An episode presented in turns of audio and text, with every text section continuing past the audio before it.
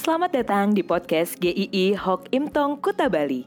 Penginjil Ray Reginaldi akan membagikan renungan harian singkat untuk membawa Anda mengenal dan menyembah Tuhan Yesus, bertumbuh dan menjadi murid Kristus, serta berdampak untuk banyak orang. Jika Anda merasa diberkati melalui renungan ini, silahkan bagikan podcast ini agar orang lain juga diberkati. Inilah renungan hari ini.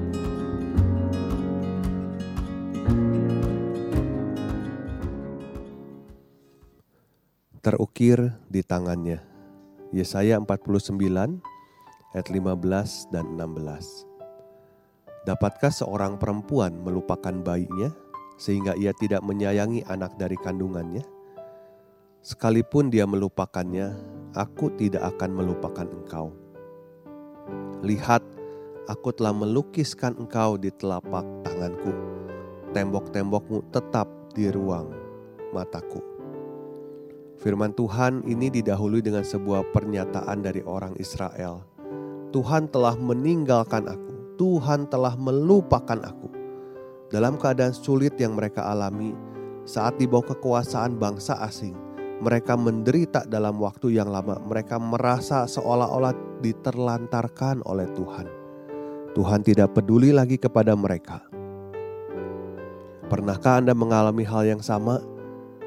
Merasa Tuhan telah meninggalkan, melupakan, dan menelantarkan Anda? Firman Tuhan menjawabnya pertama dengan hubungan yang sangat istimewa seorang ibu dan anaknya. Ibu pada umumnya pasti sangat menyayangi anaknya. Seperti ungkapan kasih ibu sepanjang jalan, kasih anak sepanjang galah. Betapa seorang ibu mengasihi anaknya saat anaknya menyakitinya, ibu akan mengampuni bahkan sebelum anaknya menyadari kesalahannya. Tetapi firman Tuhan berkata, sekalipun ada ibu yang bisa melupakan bayinya atau tidak menyayangi anak yang dari kandungannya, aku Tuhan tidak akan melupakan engkau umatnya. Kesetiaan dan kasih Tuhan melampaui hubungan yang terdalam di dalam dunia ini. Dia setia ketika kita tidak setia Bukan kita yang mengasihi dia terlebih dahulu, tetapi dia yang mengasihi kita terlebih dahulu. Kita sering ingkar janji, dia tidak pernah gagal memenuhi janjinya. Dia yang mau mati untuk kita yang sebenarnya tidak layak untuk menerima keselamatan itu. Saat Tuhan berkata, "Aku tidak akan melupakan engkau," tidak akan artinya dulu tidak dilupakan, sekarang pun tidak dilupakan, nanti pun tidak akan dilupakan. Firman Tuhan menjawab juga dengan berkata, "Lihat, aku telah melukiskan engkau di telapak tanganku." Kata melukiskan ini ada yang menerjemahkan sebagai mengukir, sebuah penegasan betapa nama umat Tuhan tidak akan pernah terhapus di hadapan Tuhan. Ketika kita terukir di telapak tangannya Tuhan, itu adalah satu kepastian yang indah bahwa Tuhan tidak pernah melupakan kita.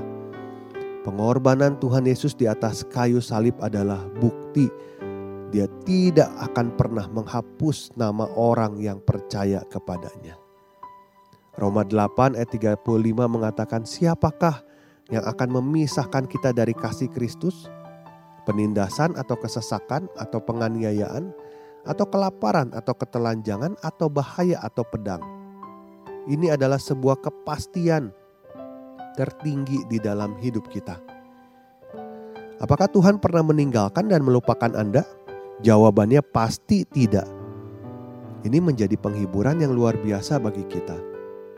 Tuhan bukan bicara hanya soal yang akan datang, tetapi bicara juga tentang hari ini, tentang kondisi yang kita alami hari ini, situasi sulit yang harus kita hadapi, Dia tidak pernah menelantarkan kita, karena kita ada di dalam hatinya. Nama kita terukir di telapak tangannya. Kiranya Tuhan memberkati kita sekalian. Amin.